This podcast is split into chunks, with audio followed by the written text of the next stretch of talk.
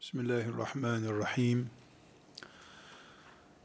Elhamdülillahi Rabbil alemin ve sallallahu ve sellem ala seyyidina Muhammedin ve ala alihi ve sahbihi ecma'in. Bir Müslüman olarak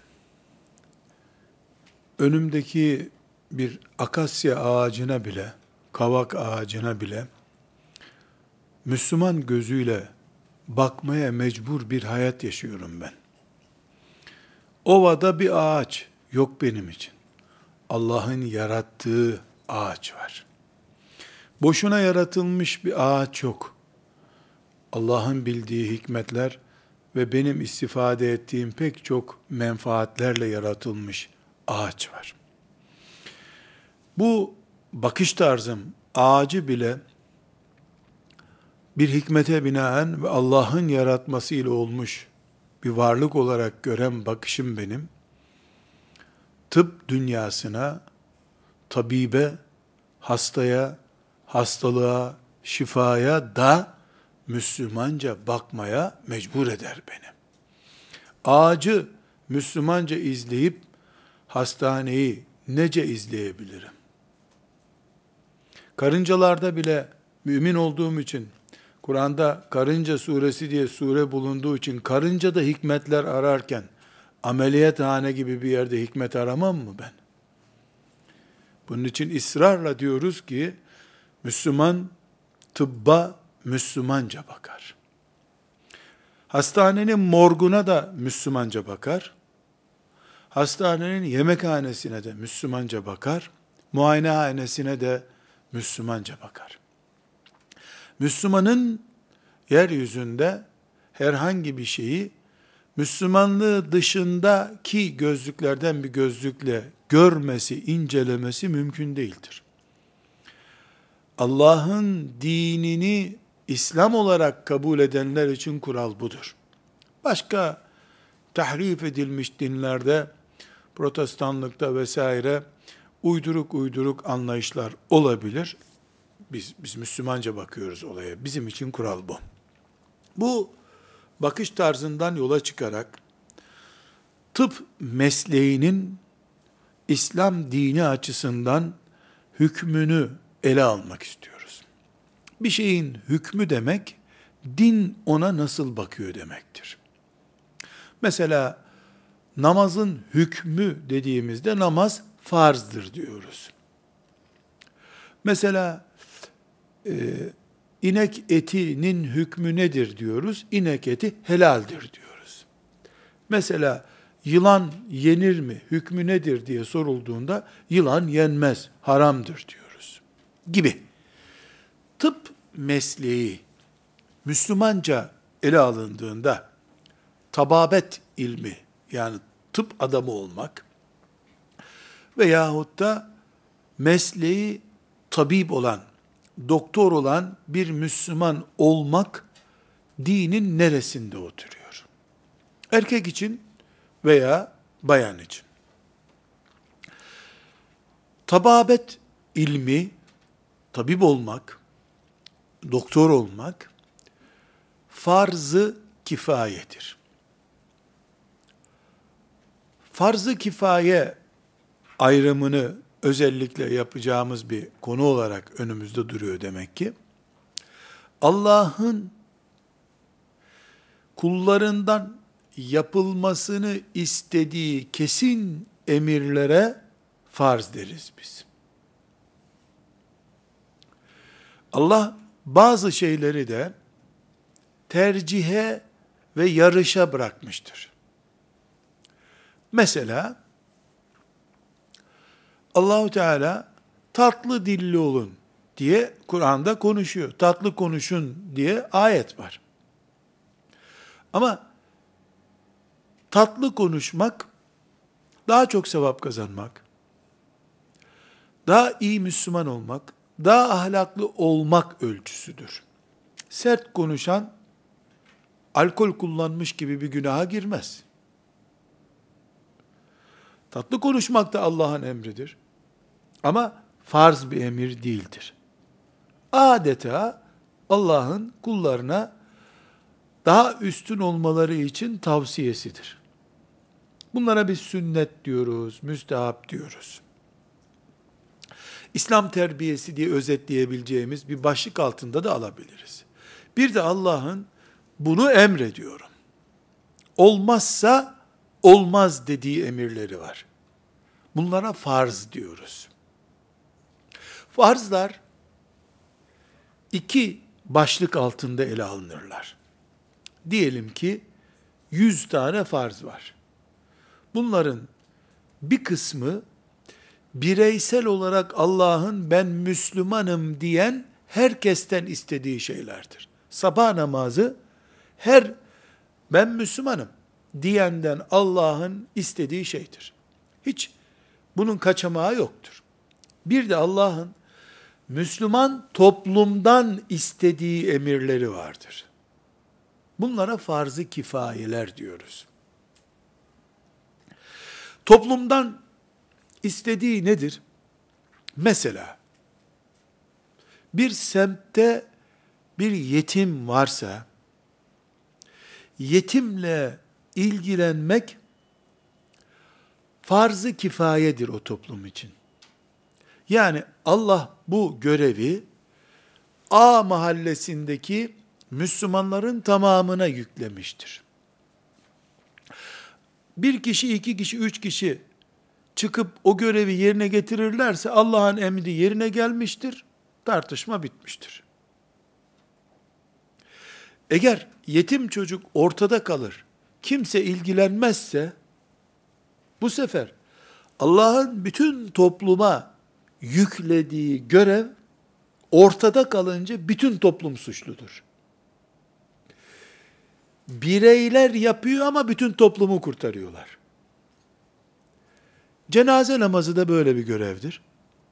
Bir Müslüman öldü. Cenazesinin kılınması Allah'ın emridir.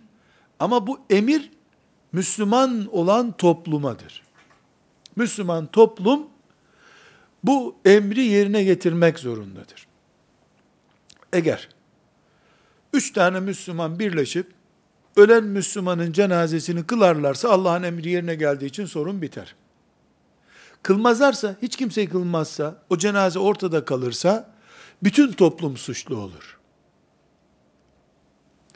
Bütün toplumun suçlu olması diye bir şey ortaya çıkarınca, ne anlaşılıyor? Demek ki toplum, Allah'ın farz-ı kifaye olarak bizden istediği şeyleri yerine getirecek kadro oluşturması lazım. Kadro oluşturursa sorumluluktan kurtuluyor toplum. Kadro oluşturmazsa eğer toplum olduğu gibi suçlu. Ve kendisini toplum temize çıkaramıyor bir daha. Dinimizdeki emirlerin bir kısmının farzı ayın, bir kısmının da farzı kifaye olmasının açıklaması budur. Mesela sabah namazının kılınması bireysel bir emirdir. A, B, C kılarlar, sevaplarını kazanırlar, Allah'ın razı olacağı kul olurlar. E, D, F kulları da kılmazlar. Kendi günahlarıyla mezara giderler. Farz-ı ayın demek, her şahsa yüklenmiş görev demek. Ne? Üç kişi kılınca üçünden bu görev düşüyor. Yani toplum birbirini burada taşıyor. Ne de üç kişi kılmadığı için diğer üç kişi günaha giriyor. Herkes kendisi bu görevi üstlenmek zorunda. Farz-ı kifayelerde ise Müslüman toplum sorumlu. Bu toplum, İslam devleti ise başında halifesi var, ümmeti Muhammed devleti ise devletin, bakanlığın görevi bu. Eğer toplum İslam toplumu ama devleti İslam devleti değilse, Müslüman kitleleri bir arada tutan unsurlar neler? Vakıflar, dernekler, tarikatlar, cemaatler, onlar direkt sorumlu. Sivil toplum dediğimiz kuruluşları sorumlu bu sefer. Tıp ilmi Allah'ın dininde farz-ı kifaye bir ilimdir. Mesela Türkiye'nin Kardiyolog ihtiyacı ne kadardır?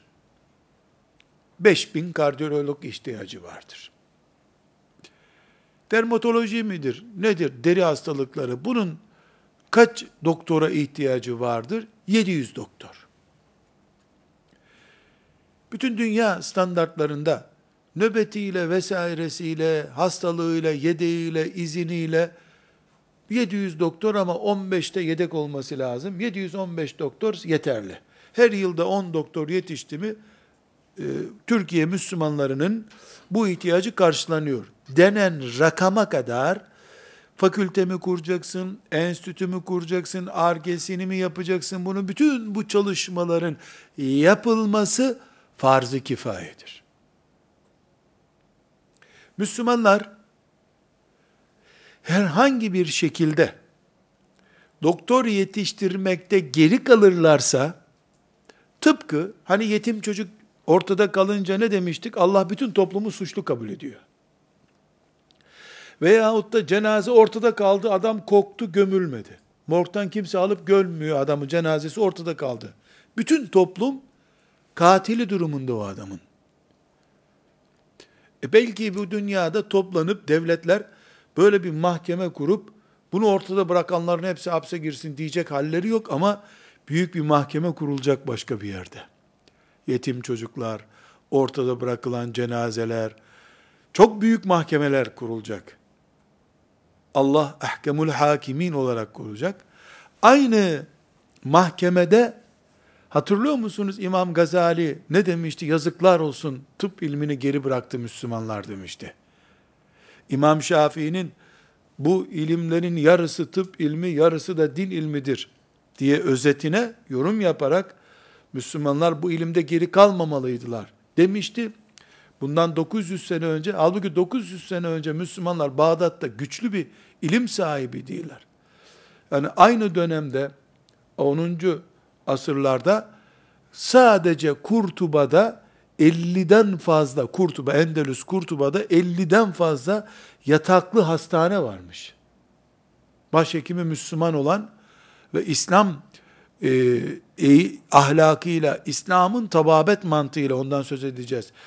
Tedavi yapılan bir merkez olarak 50 hastane varmış. Kurtuba şehrinde sadece. Kurtuba Endülüs'te bir vilayetin adıdır.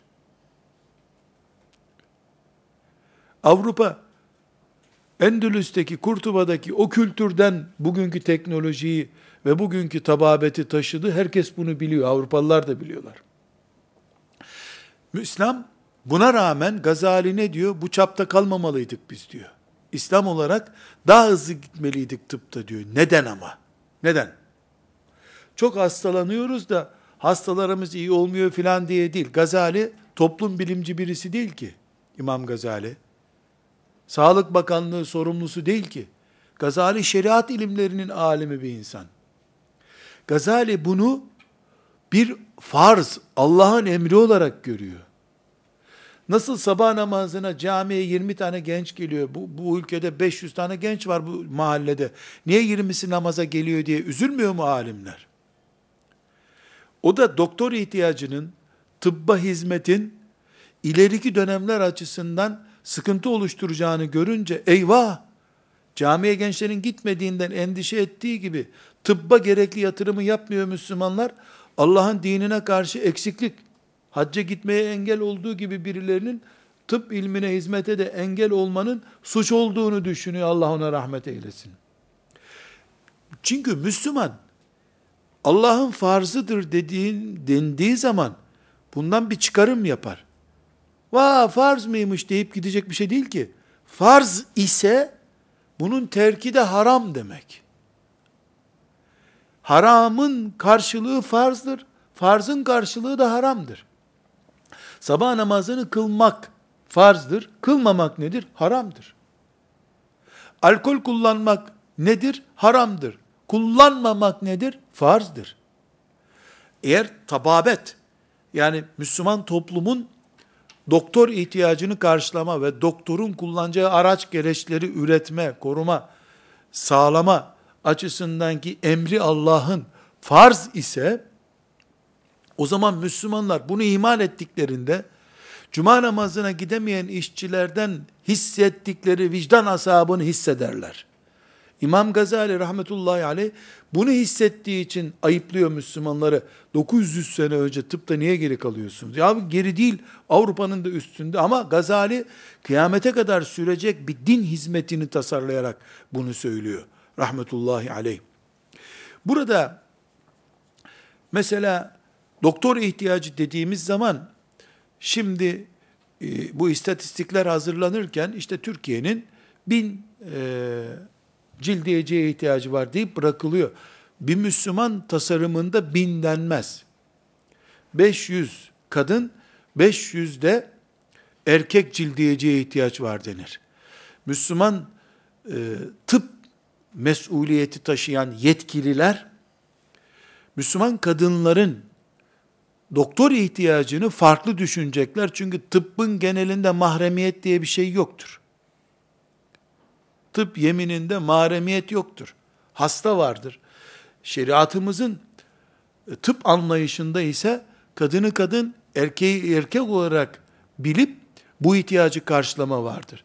Yani jinekok ihtiyacıyla e, cildiyeci ihtiyacı veyahut da dahiliyeci ihtiyacı, çocuk doktoru ihtiyacı Müslüman bakışıyla tıbba oturulup hesaplanarak şu kadar ihtiyaç var. Türkiye 80 milyon. 80 milyonluk bu ülkede kadın nüfusu yüzde 50, erkek nüfusu yüzde 50 gibi duruyor şu anda. Yani ileride bu kadınlar yüzde 55, erkekler yüzde 45'e düşebilir. Bugün bu hesaplamayı yaparken tıpkı bu mahalle 40 bin nüfuslu, 40 bin nüfusun şu kadarı cuma kılar, dolayısıyla bu mahallede cuma kılınacak şu kadar cami lazım. Hesabı yaptığımız gibi Allah'ın farzı yerine gelecek diye. Aynı şekilde şu kadar kadın hastalıkları doktoru lazım ve bunlar e, kadınlardan olmalı. Mesela Türkiye'nin e, kadın hastalıkları doktoru ihtiyacı 7 bindir. Bu 7 bin kadın hastalıkları uzmanını yetiştirmedikçe Müslümanlar Allahu Teala'nın emirlerinden bir emri yerine getirmemekle lanet altındadırlar. Bu lanet bilerek kasten yapıyorlarsa bir durumdur. İhmalden yapıyorlarsa bereketsiz şeklinde başka bir sonuçtur. Ama her halükarda Allah'ın sabah namazı kılın emri hangi statüdeydi, ne hükmüydü? Farzdı. Tababet hükmü nedir? Farzdır. Ama bu farz toplumsal bir farzdır. Onun için buna farz-ı kifaye diyoruz. O zaman Müslümanlar bu ihtiyacı karşılayana kadar cuma namazı kılmak için cami yapma hassasiyetiyle Müslüman doktor yetiştirmelidirler. Veya doktor ihtiyacını karşılamalıdırlar. Çünkü doktorun Müslüman olması şart değil aslında. Yani Müslüman olmayan doktordan tıp desteği almakta bir sakınca yok. Ama dünya stratejisi olarak Müslümanların dünya hedeflerini bilen bir kitle olarak bunu kendi çocukları arasından yetiştirmeleri gerekir. Bu inceliği Müslümanların takdir etmesi gerekir diye özellikle Müslümanlar yetiştirsin diyoruz. Yoksa doktor ya Müslüman olur ya da biz hastalıktan ölürüz gibi bir cahillik söz konusu değil. Şimdi burada bir ince ayar yapalım. Dedik ki tababet, doktorluk farz-ı kifayedir. Toplumsal bir görevdir. Peki bu toplumsal görev topluluk tarafından yerine getirilmiyorsa herkes mesuldür. Tamam.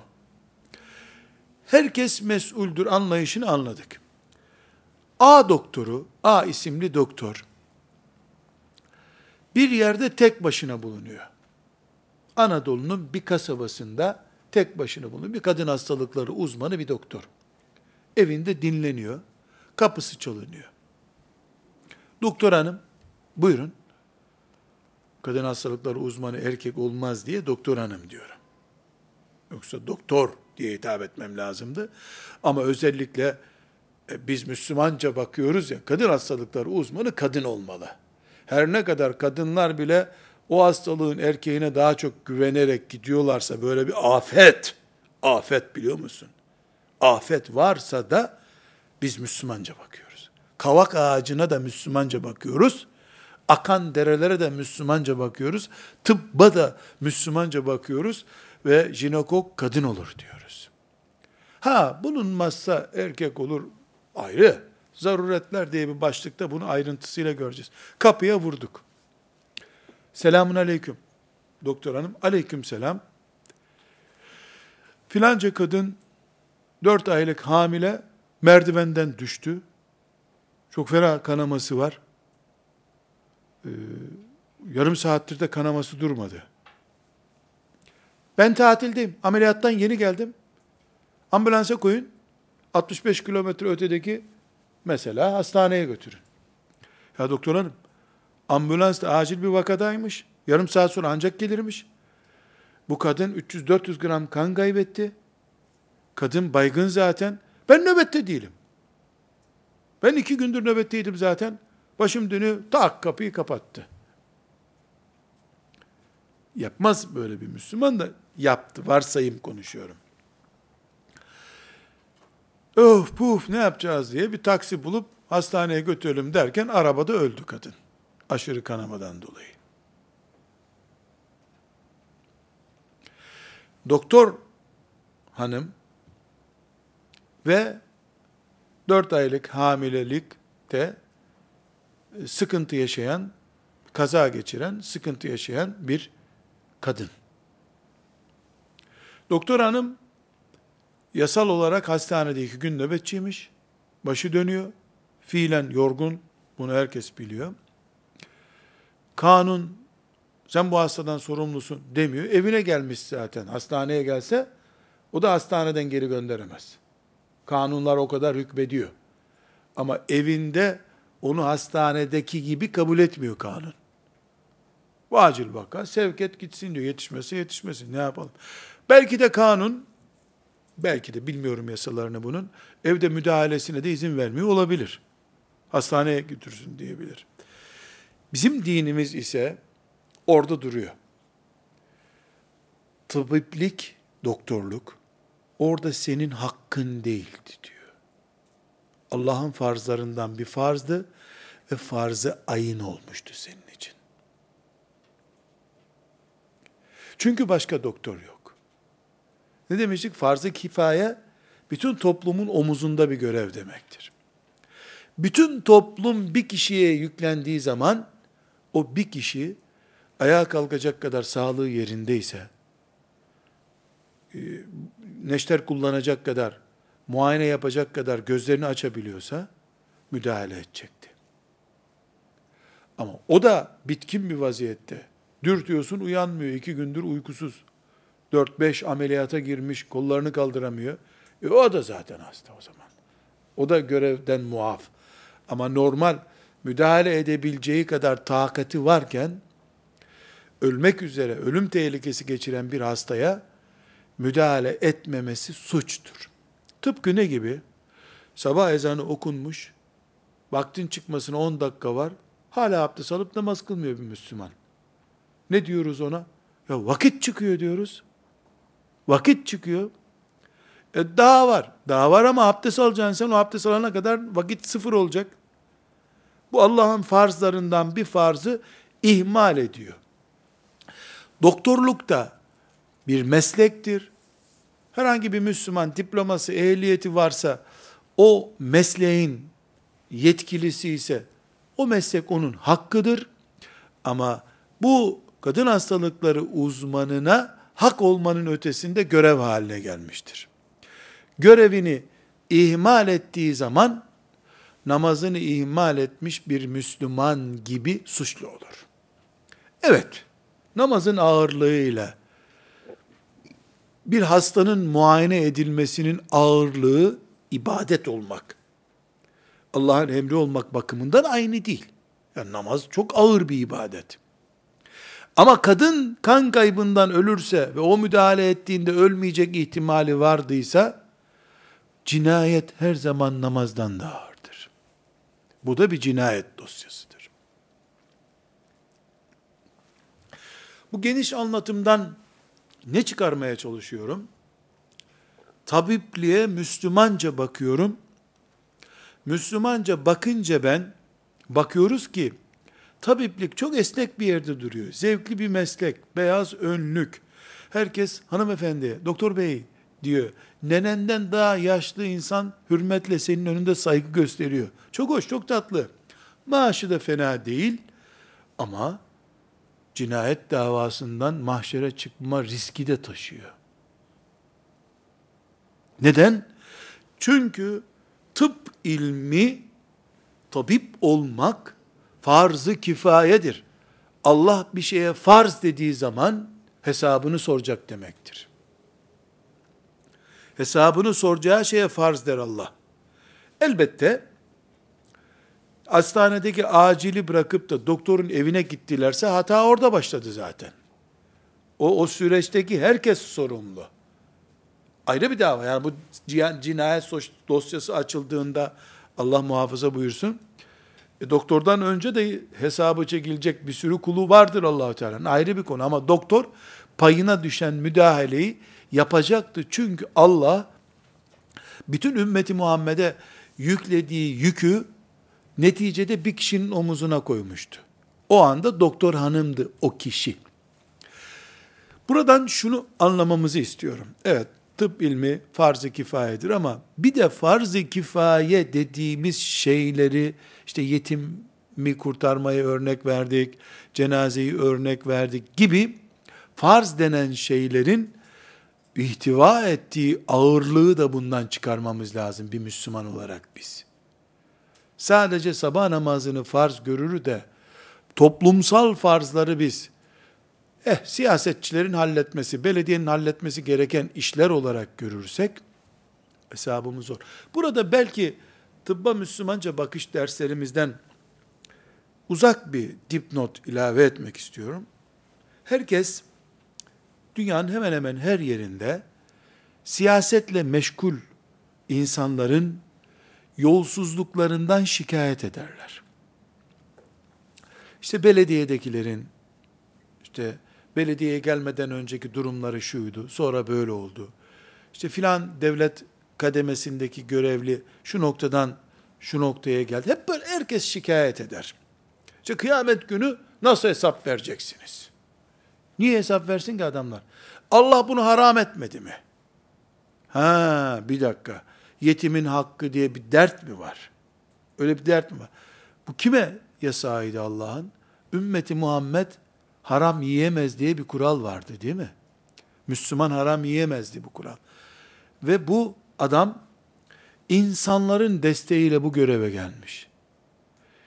İnsanlar oy verip, yetki verip bir makama oturtuyorlar da sonra hesabını sormuyorlarsa, protesto etmeyi bilmiyorlarsa sadece ona vebal yıkıp kurtulamazlar. İffetli olmak, haramdan uzak durmak, ümmet olmak demektir. Bu kaliteyi bütün ümmet korumak zorundalar. Belediye başkanını, belediyedeki görevliyi görünce ceketini düğmele, sizin sokağın asfaltını erken yapsın diye, arkasından da çaldı çırptı de, bu ümmeti Muhammed kalitesi değil. Hayata Müslümanca bakamamaktan kaynaklanıyor bu. Biz hayata Müslümanca bakmak zorundayız. Bu bakışımızdan dolayı da baştan sağma iddialarla toplumun düzeleceğini düşünmeyiz. Evet, şimdi bu noktada şu seviyeye geldik. Doktor, Müslüman doktor, Allah'ın emirlerinden bir emri yerine getiren bir kuludur. Her ne kadar bakanlıktan maaş alıyor veya özel bir hastanede maaş alıyor veya hastasından ücret alıyorsa da, ücret alıyorsa da, cami imamı da devletten ücretini alıyor ya da işte o mahallenin insanları toplanıp ücretini veriyor ama en büyük ibadet olan namazı kıldırıp para alıyor. Arada bir ücret akışının olması, hastanın ücret vermesi ya da devletin maaş vermesi tababetin kullukla alakalı bir uygulama olmasına engel değil. tabip de Allah'ın kullarından bir kuldur. Yaptığı iş de Allah'ın farz düzeyinde emrettiği işlerden bir iştir. Binaenaleyh, levh-i mahfuzdan bakıldığında, yeryüzünde Allah'ın kontrol görevlileri olarak dolaşan meleklerin ellerindeki dosyalar nasıl bir dosyaysa günlük raporları tutarken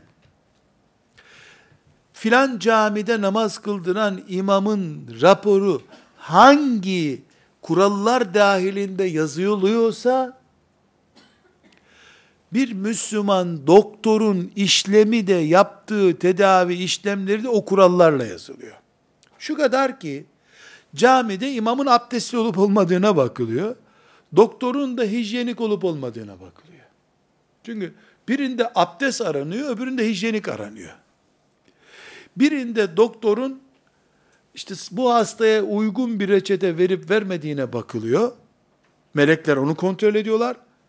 Öbüründe de tadil erkana uyup uymadığına bakılıyor. Aynı melekler aynı kapasiteyle geliyorlar. Doktoru kontrol eden melekle, murakabe eden melekle, camide imamı kontrol eden, murakabe eden melek aynıdır. Aynı melek görev yapıyor. Neden? Çünkü yeryüzünde Allah camilerde nasıl kullarının kulluğunu görmek istiyorsa, böyle bir muradı varsa Allah'ın, aynı şekilde hastanedeki doktor kullarını da görmek istiyor. Şu kadar ki, camide imamın üstünde kan olsa, gömleğinde kan olsa, görevini yapmadı olur. Suç dosyasına yazılır o. Doktorun üstünde kan varsa maşallah iyi çalışıyorsun olur. Çünkü doktorun işi kanlı bir iş. E doktorun üzerinde kan olması, hastadan sıçramış mikrop olması, doktorun çalıştığını gösterir. İmamın üzerinde namazın olmadığını gösterir. İnceledikleri, tahkik ettikleri şeyler meleklerin farklı ama aynı Allah adına gelip inceliyorlar görevlerini yapıp yapmadıklarını. Belediyede çalışan bir işçi için de aynı melek geliyor. Çünkü yeryüzünde biz diyeceğiz ki yeryüzünde ya Allah sadece camilere karışıyor. Camideki imamların ibadetini, işini kaliteli yapıp yapmadığına bakıyor. Tıpkı Hristiyanlıkta olduğu gibi, uyduruk Hristiyanlıkta olduğu gibi.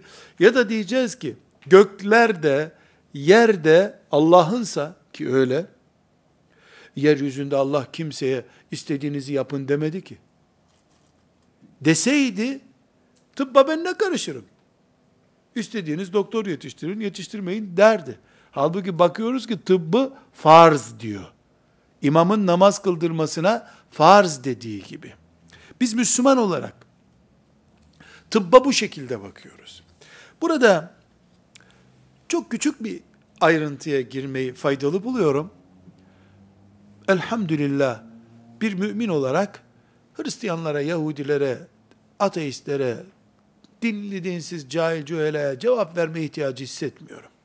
Vay be İslam için böyle dediler. Aslında öyle değil. Bu tartışmalara girme ihtiyacım yok. Neden? Ben kelime-i tevhidi söylediğimden beri elhamdülillah her söylediğimde de yüzde yüz güzel dinim olduğuna inanıyorum. Takviyeye ihtiyacım yok ki benim. Düşmanlarımdan da o saldırıları bekliyorum zaten. Saldırmasalar kendimden şüphe ederdim. Orijinal benim ki toplanıp bana saldırıyorlar. Defolu olsaydı benim dinim saldırmaya da ihtiyaç hissetmeyeceklerdi. Çökecek zaten diye. Ama İslam'ın, dinimiz İslam'ın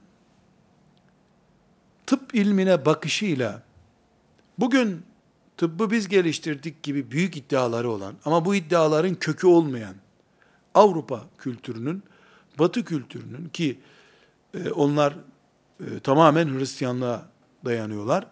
Kendilerinden önceki Yahudi kültürüne dayanıyorlar.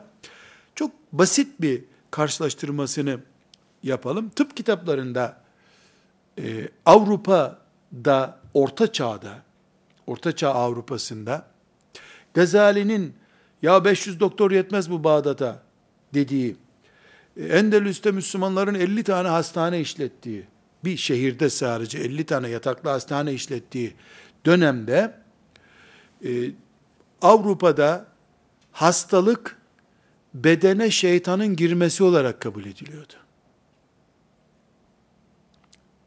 Mesela bir hasta iyi dövülürse şeytan kaçıp gider kurtulur düşünüyordu. Öldürene kadar dövüyorlardı. Ölünce de hastalık iyileşmiş oluyordu. Ama şeytan gitti de iyi oluyordu onlara göre. Bu yüzden Avrupalılar şeytana yükledikleri için hastalığı tedavisini de şeytanı okuyarak kaçıracak papaza yüklemişlerdi.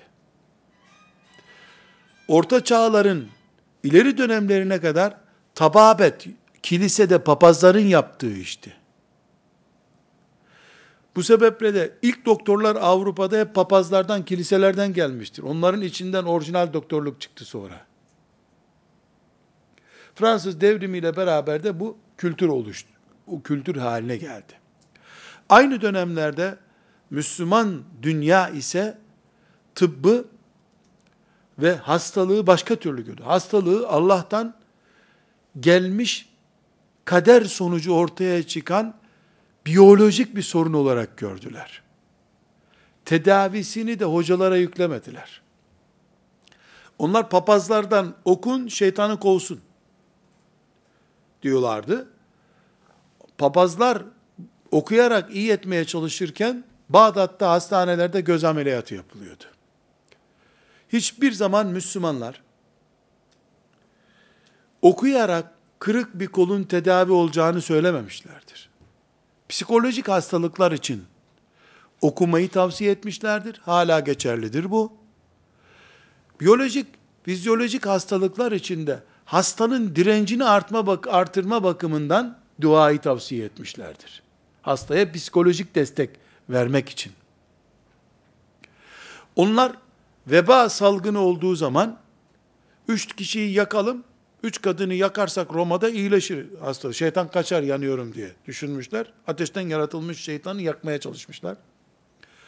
Öbür taraftan Efendimiz sallallahu aleyhi ve sellem 1400 sene önce karantina sistemini tavsiye etmiş. Yaygın salgın hastalıklarda.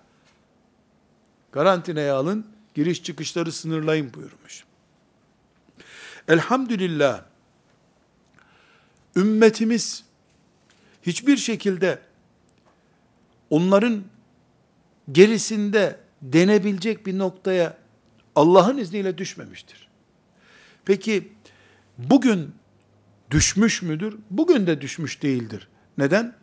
Çünkü Müslüman toplumlar olarak biz yaşıyoruz ama eğitim politikamızı, sosyal politikalarımızı, ekonomimizi, siyasetimizi Müslümanlık adına yapamıyoruz ki. Çocuklarımıza yapılacak aşıları bile Birleşmiş Milletler'in dayatmasıyla yapmak zorunda kalacağımız, müstakil yaşayamadığımız, kendi politikamızı, kendi siyasetimizi, sağlığım, sağlık şartlarımızı organize edemediğimiz e, ciddi bir zorluk dönemi diye özetleyeyim bunu. Yaşıyoruz ama inşallah bu şuurla, bu kaliteyle yetişen yeni nesil,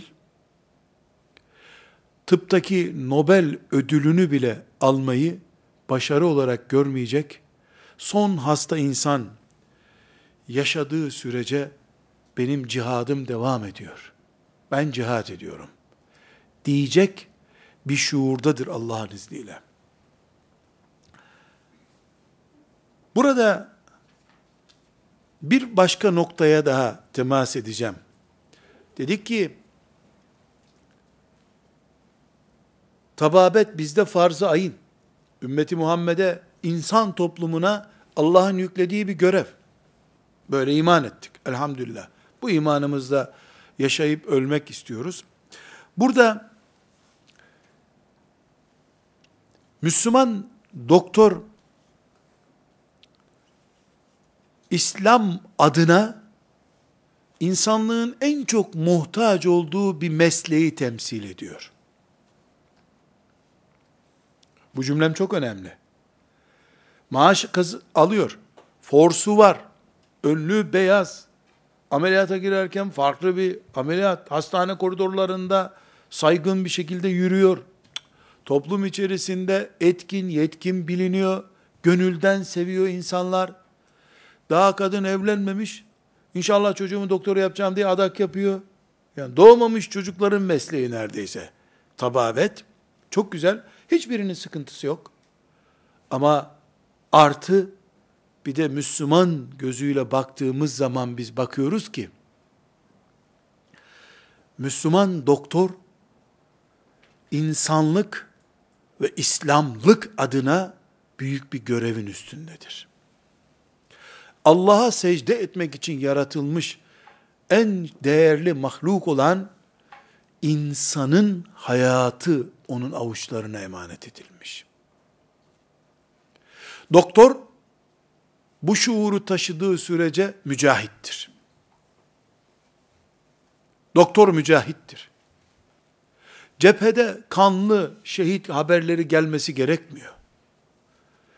Değil mi ki doktor, ümmeti Muhammed'in toprağını korumak için cephelere gidecek sağlıklı nesilleri yetiştiriyor. Yaralıları, gazileri tedavi ediyor demiyorum. Doğan çocuklar onun kucağında doğuyor. Ümmeti Muhammed adına iş görecek alimler, mücahitler, mühendisler, sanat erbabı, yazarlar, çizerler, e doktorun varlığı kadar sağlıklı yaşıyorlar. Bu kadar büyük bir gerçek, bir insanın elindeyse veya bir mesleğin elindeyse, o meslek, cephedeki mücahitleri, medresedeki alimleri, binalardaki işçileri, mühendisleri, bütün toplumu sağlıklı, vasıflı yaşatmak için gerekli bir meslekse, bu mesleğin icrası cihattır. Bu mesleği yapan da mücahittir. Nasıl camilerde imam efendiler Allah için yapılacak en büyük ibadeti, namazı canlı tuttuklarından dolayı çok değerli oluyorlarsa, onların sabah namazına kalkabilmesi için, bel ağrısından kıvranmadan sabah namazına gelebilmesi için de doktor gerekliyse, imamdan önce doktor bulunması lazım. Biz imama takıldık, namazda imam lazım.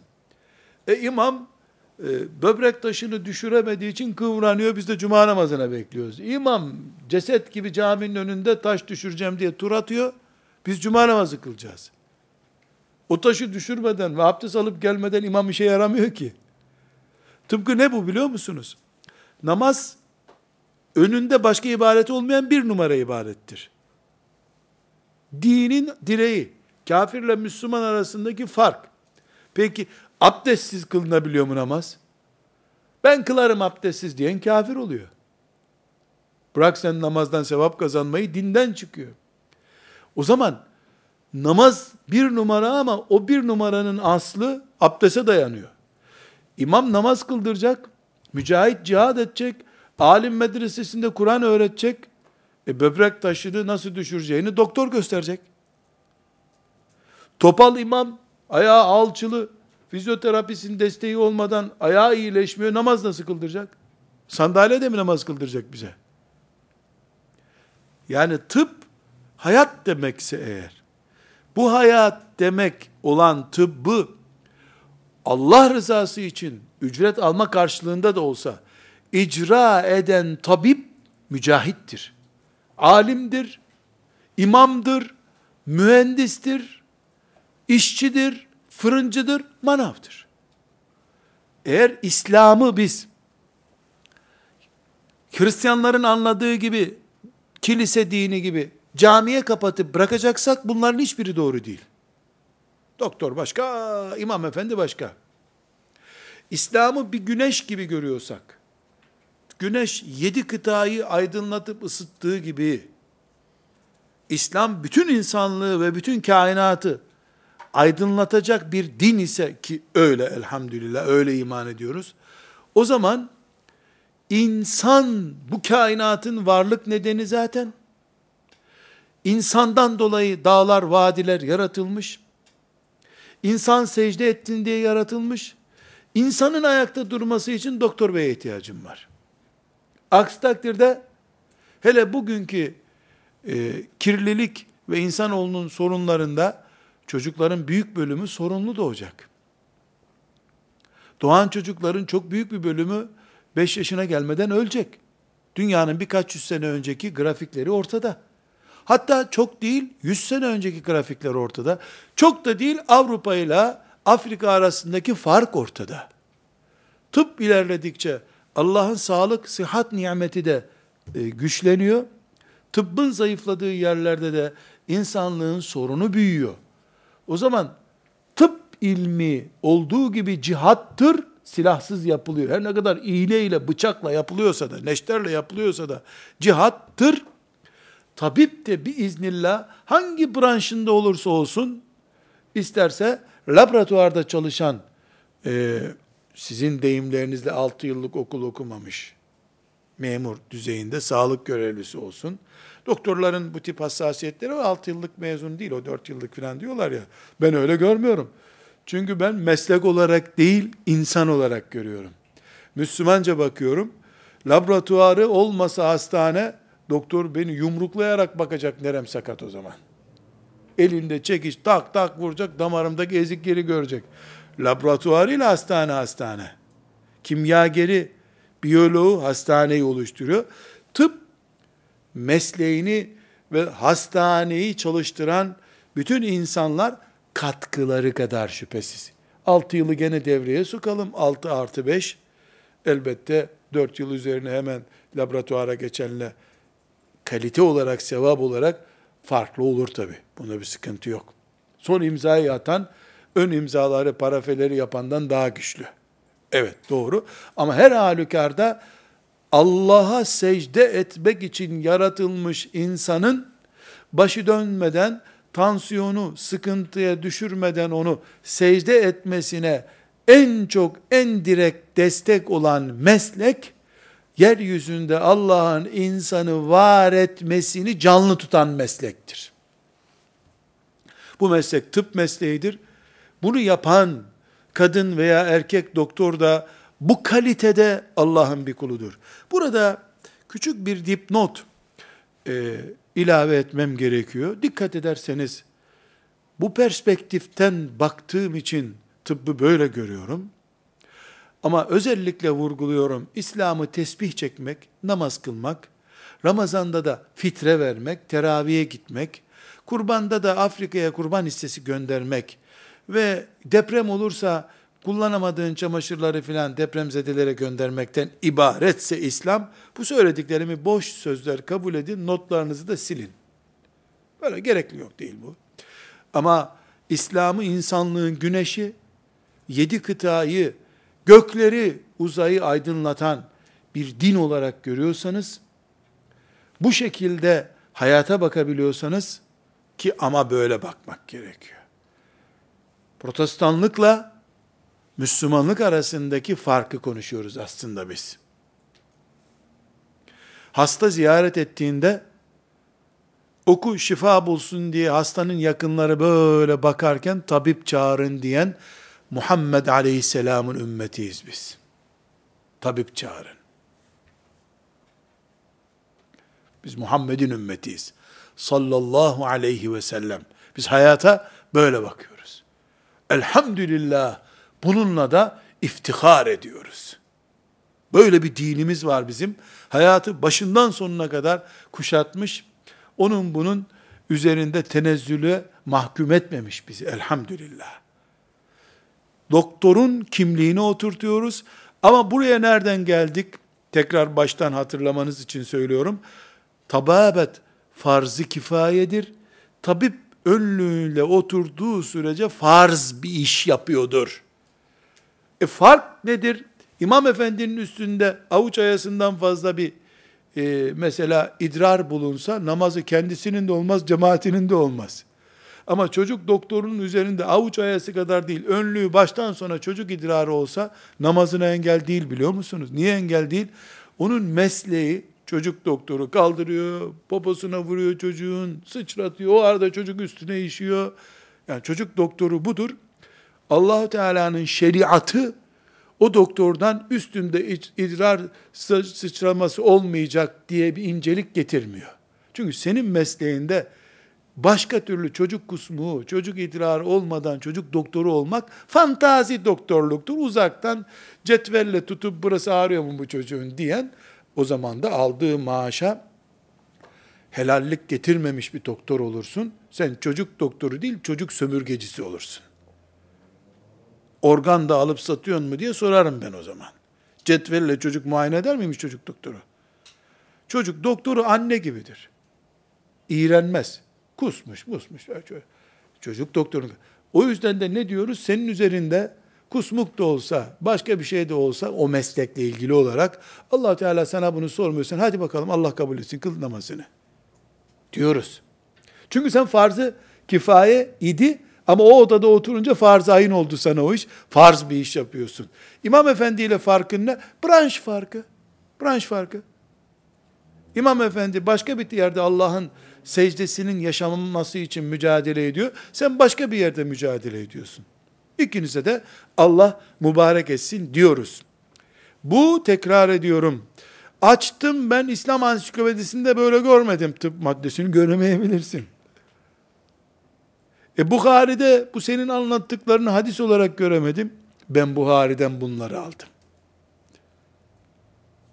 İslam'ı bir mesleğin penceresinden görmek istiyorum. İslam'ın o mesleğe bakışını görmek istiyorum. Bu şuur 24 saat nöbet bekleyen mücahit şuurudur. Evet elinde silahın yok, reçeten var o kadar. Fark bu. Şimdi cephede cihad eden mücahitler için kim silah kullanıyorsa onlar mücahit. Onların öğlen yemeğini yapanlar ne peki? Vatan haini mi? Onlar onlara yemek yapmasa nasıl cihad edecekler? Cephede kim? Ümmetin toprağını beklemek için görev yapıyorsa hepsi toplu bir iş yapıyor. Mesela işte diyelim ki tankla cihat yapılıyor. Cephemize kafirler saldırdılar. Savunma yapılıyor. Tankın içinde bir şoförü var. Bir de namlusuyla düşmana ateş eden var. Hangisi bunların mücahit? Namluyla top atan mücahit. O, sen direksiyonun başındaydın zaten. Olur mu öyle bir şey? O olmasa öbürü nasıl gidecek? İkisi aynı görevi yapıyorlar. Gaye Allah'a kulluk mu? Evet. Camide de Allah'a kulluk yapılıyor. Ve caminin mühendisi de Allah'a kulluk yapıyor, cami yapıyor. E para aldı ama. E para almasa mühendis olarak nasıl yaşayacak? Para aldığı almadığı önemli değil. Niyetinin Allah'a kulluk olup olmadığı ve yaptığı işin hakkını verip vermediği önemli. Doktor içinde nasıl cihat oluyor bu? Aynen öyle. Allah'a kulluk yapıyor. E, niyeti bunun maaş almak. Elbette maaş almak olacak. Namaza niyet eder gibi niyet ettim ya Rabbi on çocuk muayene etmeye demesi gerekmiyor. Çocuğu muayene etme niyeti diye bir niyet yoktur ki. Meslek olduğu gibi niyettir zaten. Altı sene okula devam etmek niyetti zaten. Müslümanca bakıyorduysa eğer tıbba.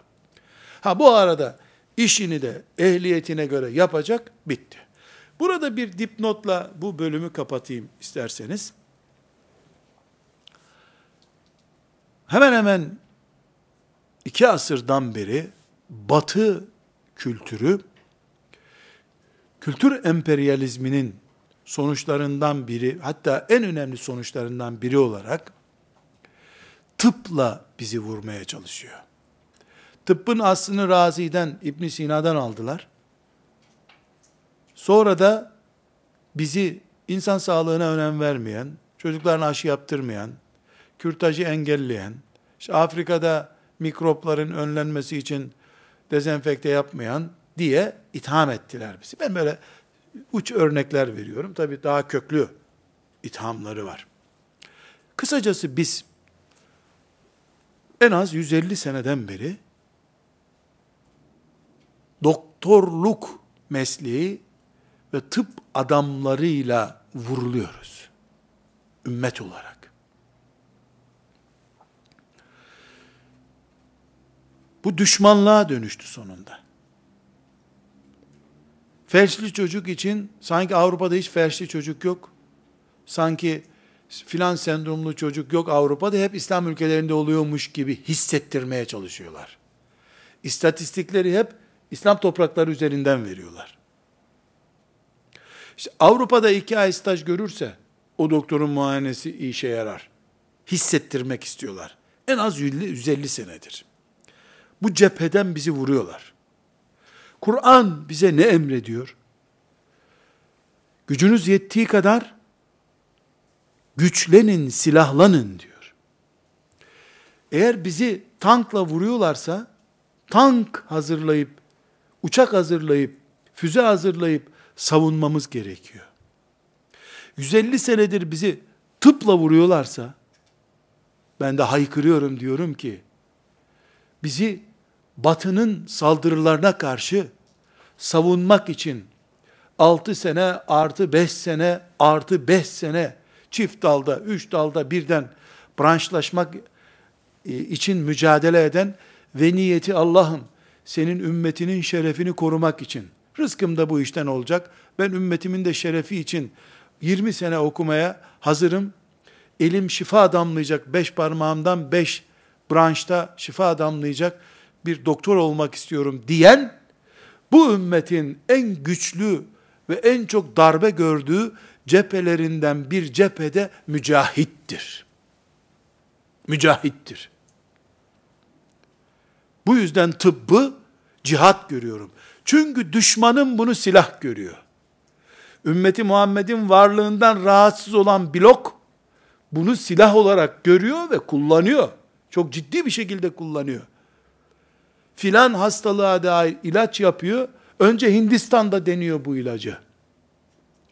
Üç sene ilacın sonuçlarını alıyor. Olumsuz notları tutuyor. Laboratuvarlarında düzeltip kendi ülkesinde ondan sonra o ilacı uyguluyor. Bir farelere böyle yapıyor. Bir de Hindistan'daki denek Müslümanlara bunu yapıyor. Veya Afrika'daki Müslüman olmayan olsun. Kendi ülkesinde denemiyor. Önce laboratuvarlarda farelerde deniyor. Sonra benim insanımın üzerinde deniyor. Demek ki bunu silah olarak kullanıyor. Bir Müslüman olarak ben bu noktadan sonra tıbbı sıradan bir meslek görebilir miyim? Piyano çalmak mıdır bu? Piyano çalmak gibi, keman çalmak gibi basit bir şey mi? Birinci hangi açıdan bunu cihat gördüm? Allah'a secde eden neslin sağlığı açısından gerekli bu. İki, bunu düşmanı bu ümmetin, düşmanı olan kitle, bunu silah olarak kullanıyor asırlardan beri.